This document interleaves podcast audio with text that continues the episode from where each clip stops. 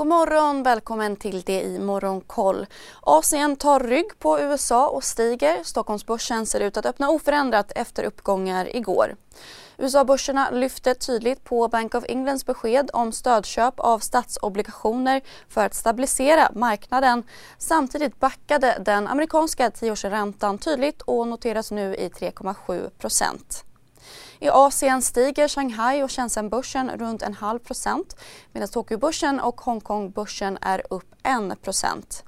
Idag börjar Hongkongbörsens två största noteringar för i år handlas och det är den kinesiska elbilstillverkaren Leapmotor vars aktie rasar runt 30% Även fastighetsutvecklaren OneWoo som även de rasade i inledningen.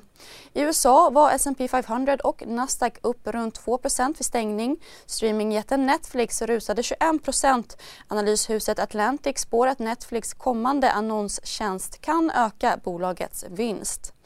Biogen rusade nära 40% efter partnern Eisais positiva resultat i en fas 3-studie mot Alzheimers. Och det är samma studie som svenska forskningsbolaget BioArctic deltar i. BioArctics aktie steg över 170% på Stockholmsbörsen igår. Cannabisbolaget Canopy Growth ska sälja sin kanadensiska detaljhandelsverksamhet. Tidigare i år senare lagdes även planerna på när bolaget ska vara lönsamt. Aktien stärktes över 6 Hej, Synoptik här. Så här års är det extra viktigt att du skyddar dina ögon mot solens skadliga strålar.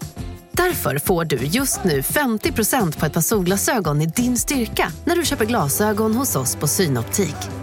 Boka tid och läs mer på synoptik.se. Välkommen! Procent. Nättaxitjänsten Lyft ska frysa anställningar till slutet av året. Det är efter tidigare besked om att bromsa anställningar för att få ner kostnaderna. Lyft steg 2,5 procent. Tobaksjätten Philip Morris ska inte dra tillbaka sitt bud på svenska tobaksjätten Swedish Match trots det osäkra marknadsläget. Enligt bolagets VD finns det även fler möjligheter än ett uppköp såsom ett majoritetsägande. Det rapporterar Reuters. VDn säger även att erbjudandet är ännu mer attraktivt nu givet det ekonomiska läget.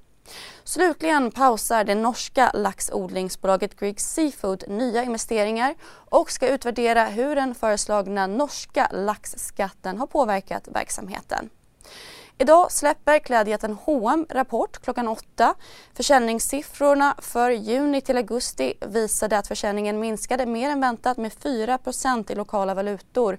Nu väntas rörelseresultatet ha minskat till 2,5 miljarder kronor från 6,3 miljarder kronor motsvarande kvartal i fjol. Och så börjar den Volkswagen-ägda sportbilstillverkaren Porsche handlas på Frankfurtbörsen till 82 euro och 50 cent. Det rapporterar AFP.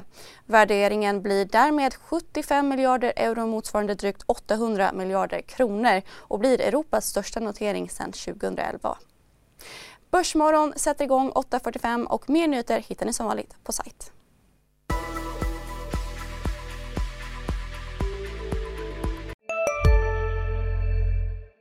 CSRD, ännu en förkortning som väcker känslor hos företagare.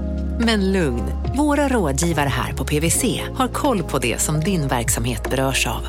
Från hållbarhetslösningar och nya regelverk till affärsutveckling och ansvarsfulla AI-strategier. Välkommen till PWC. Om en så vidde på väg till dig för att du råkar ljuga från kollega om att du också hade en och innan du visste ordet av du hem kollegan på middag och... Då finns det flera smarta sätt att beställa hem din sous på. Som till våra paketboxar till exempel. Hälsningar Postnord.